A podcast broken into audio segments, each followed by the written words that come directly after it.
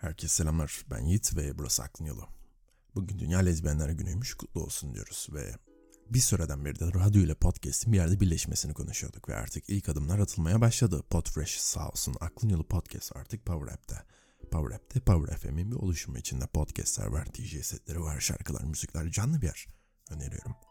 App Store'dan indirebilirsiniz. Bakın dün yine bir film izledim. The Man From Earth. Hatırlıyorsanız bundan bir sene önce belki de bir buçuk sene önce yine bu podcast'te bunu tavsiye etmiştim bu filmi. Hatta demiştim ki bu bölümle ya bu filmle ilgili bir bölüm yapalım. Ama sonra arada kaynadı gitti. e, siz yine bir izleyin. E, yeni bölüme de bakarız. Bugün buradasınız yani aklın yolunu dinliyorsunuz her zamanki gibi. Hoş geldiniz programa. Bugün sizin için Türkiye'de daha önce hiç konuşulmamış, anlatılmamış bir hikaye anlatacağım. Aklın Yolu özel bölümü. Mutluluğun dehşet veren sırrı. Umarım bugünkü podcast'i beğenirsiniz. Ben doğduğum günden beri çok düşündüm. Tıpkı sizin gibi ama hiç anlayamadım. Ölümü hiç anlayamadım. Ölümden sonrası değil bakın. Ölüm anı veya öncesi de değil. Sadece ölüm. Hatta sadece o da değil. Yaşam değil mi?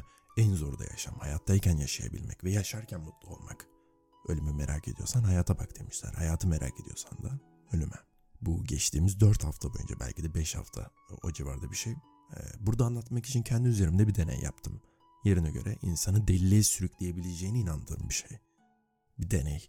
Sizin için bu ızdıraba katlandım ve birkaç içgörüyle kurtulmaya başardım diyebiliriz. Bugün size Güney Asya'da ismini bile belki duymadığınız bir ülkeyi anlatacağım. Himalayaların eteklerinde 700 bin nüfuslu bir krallık, Butan Krallığı ve özellikle de Butanlı insanların asırlardır mutlu yaşamanın sırrı. Bakın unutulmuş bir öğreti, tarihin en tozlu noktalarından sadece sizin için bulduğum bir atasözüyle başlar hikaye. Tıpkı bizde de binlerce atasözü olduğu gibi Butan'da da oldukça fazla atasözü var. Ama bir tane atasözleri var ki bir şekilde uzun ve mutlu hayatlarının sırrı olmuş. Nasıl ortaya çıktı, ilk kim ne zaman söyledi, neye dayanarak söyledi kimse bilmiyor.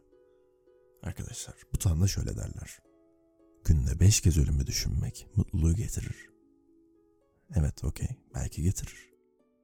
Kimileri deneyebilir hatta harbiden. Beş kez ölümü düşünürsünüz, denersiniz, mutluluğu getirirse ne güzel. Deliliği getirirse ama durum fena. Ama Butan'da insanlara bu seçim hakkı çok fazla verilmiyormuş.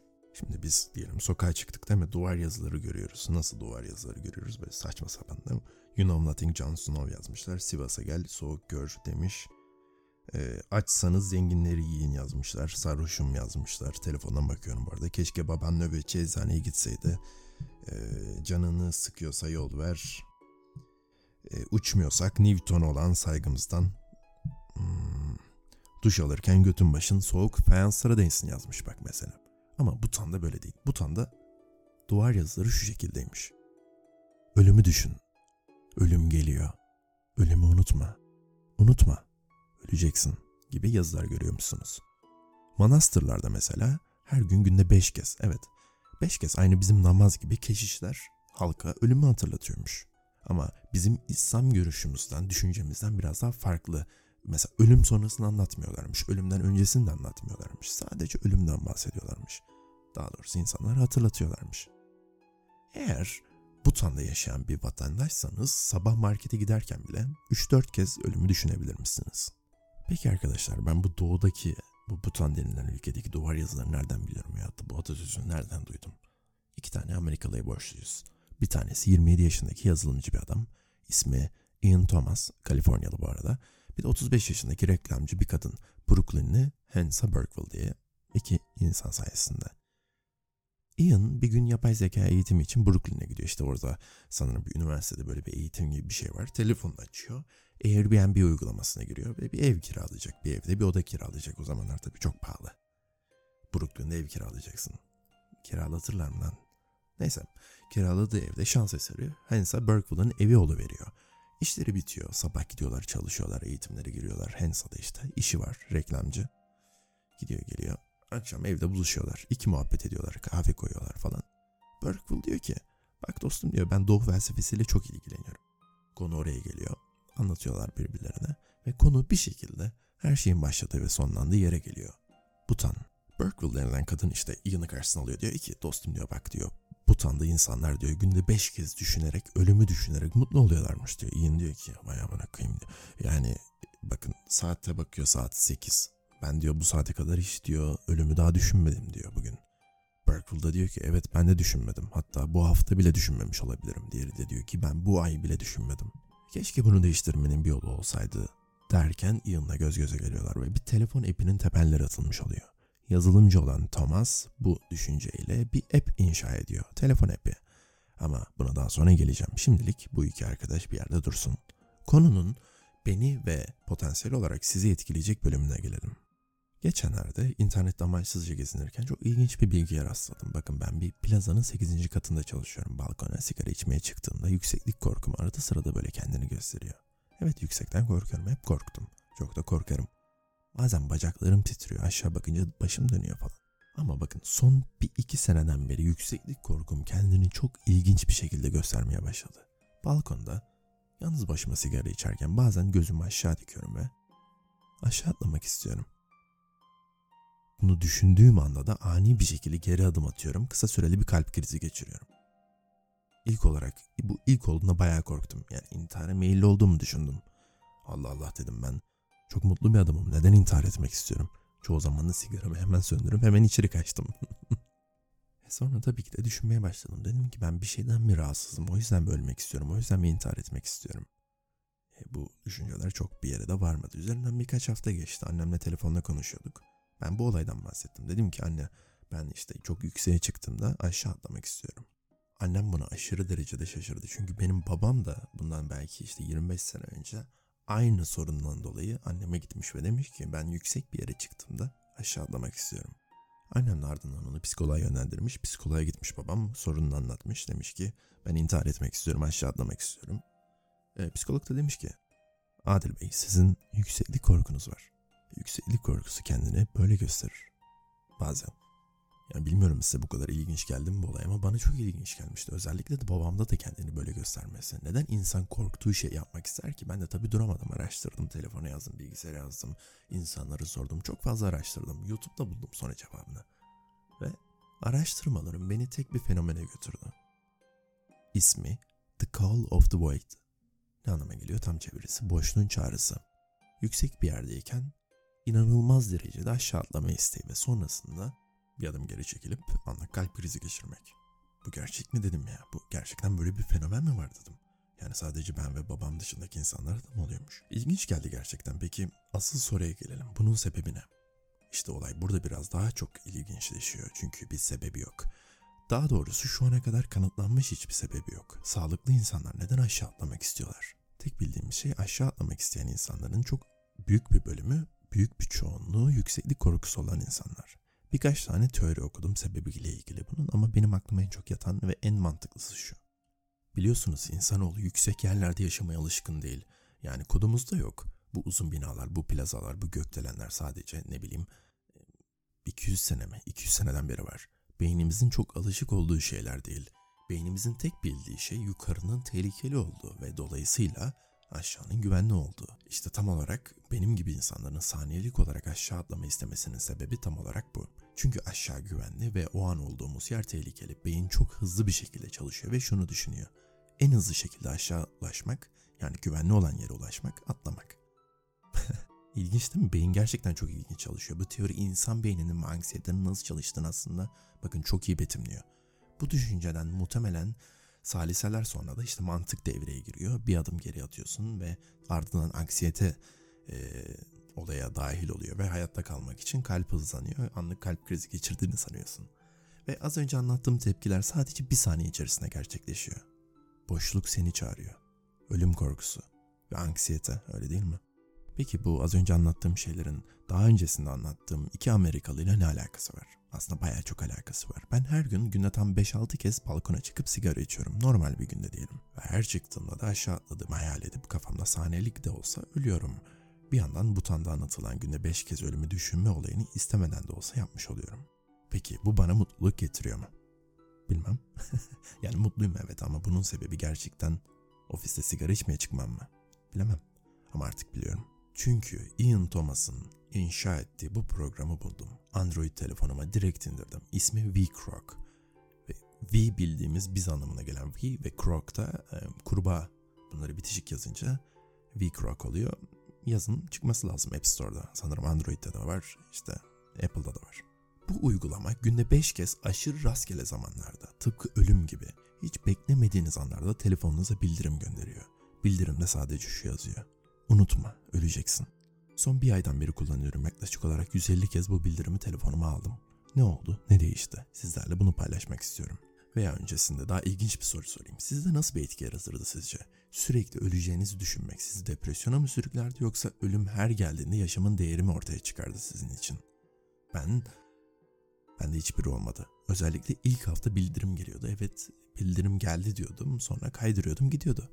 Bir haftanın sonunda uygulamanın aslında işe yaramadığına karar verdim. Bu bölümde artık suya düşmüştü. Dedim bu bölümü yapmam herhalde. Başka bir bölüm hazırlayayım sizler için. Ta ki ikinci haftanın sonuna kadar.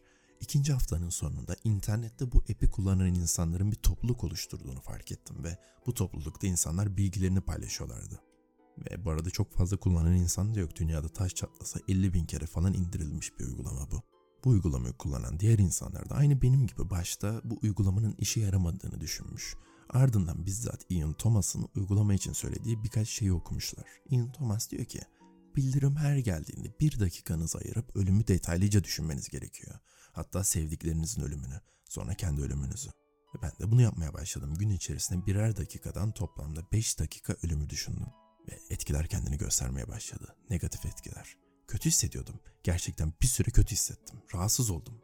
Hatta bazen bildirimleri görmezden geldim. Sonra ne mi oldu? Küçük bir kıvılcım ama sadece bir kıvılcım. Belki de kendimi sorumlu hissettiğim içindir. Akşamları kendimi normalde yaptığımdan daha verimli şeyler yaparken buldum. Bu birden karar verdiğim bir şey de değildi bu arada. E, ama ailemi daha fazla aramaya başladım. İlişkilerimi düşündüm. Yatırım yaptım. Aklın Yolu Podcast'ı düşündüm. Sevdiklerimi ve sonra kendimi düşündüm. Kendi sağlığımı sadece düşündüm. Ne yaptım? Ne düzelttim peki hayatımda? Hiçbir şey. Düzeltmedim. Hayır. Yine geceleri iki tane lahmacun söylüyorum. Zamanı düşündüm ama.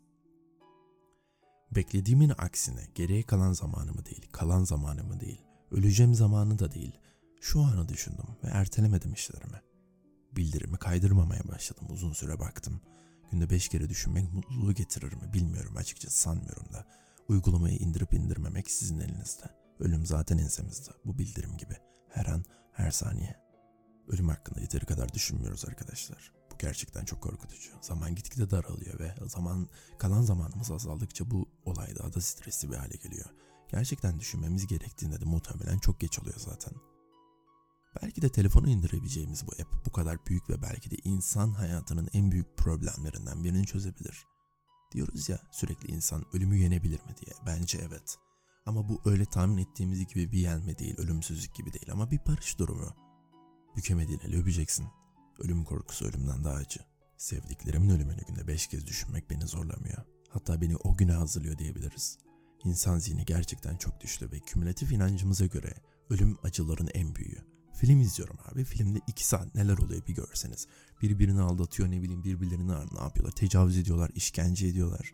Neler izliyorsun Yiğit falan mi? Farazi olarak söylüyorum onları. Bir sürü kötü olay oluyor filmde. Adam karısını üç erkekle falan basıyor. Ben de arkama yaslanmışım patlamışım sırıyorum. Siktir lan oldu iyi oldu piçe falan diye yorumlar yapıyorum. Ama filmin sonunda bir birisi ölüm döşeğindeyken ne zaman bir arkadaşı bir sevdiği onu kucağına aldığında öleni bir damla pat diye düşüyor gözlerimden. Bu ölümün gücünden değil bence. Filmdeki insanlar gerçekten ölmüyor bile. Bu insanın zihninin gücü ve zihninde ölümü koyduğu yer ile ilgili. Muhtemelen ölümü sadece böyle filmlerin son sahnesinde düşündüğümüz için de bu kadar etkileniyoruz. Peki, peki din, dinler, ee, pardon din deyip kestirip atmayacağım bu sefer. İnanç, bir afterlife inancı, sonraki hayata olan inancımız, ölüme bakışımızı nasıl değiştirir veya değiştirir mi? Bu da bizi bölümün başında bahsettiğim The Man From Earth filmine getiriyor. Orada bu soruyu biraz cevap bulabiliyorsunuz. Kesinlikle tavsiye etmeye devam ediyorum. Bakın açıkçası benim bir sonraki dünyanın inancım yok. Bu podcast'ı bunu daha önce anlatmıştım. Peki size şunu sorayım. Benim bu inanca sahip olmamamdan dolayı benim ölümden daha mı çok korkmam gerekir? Yoksa sizin mi daha çok korkmanız gerekir? İnanıyorsanız. İnsan ölümden neden korkar? Ben şahsen ölümden öleceğim ve yaşamaya devam etmek istediğim için korkuyorum birilerini kırmak zorunda kalacağım için korkuyorum. Ve o kadar kötü bir şey ki bu ee, şey gibi değil yani Yiğit sen ölünce dünyada rastgele 50 kişi üzülecek. 50'yi geç rastgele olsun. 1 milyon kişi üzülsün umurumda değil ama hayır rastgele 50 kişi değil. tüm yaşadığın zaman boyunca en çok değer verdiğin insanları üzüyorsun. Kendi ölümümden bu yüzden korkuyorum. Peki sevdiklerimiz ölümünden neden korkuyorum? Neden kötü? Çünkü ben yaşamaya devam ediyorum ve onlar gidiyor. Bu bir vicdan azabı yaratıyor belki de.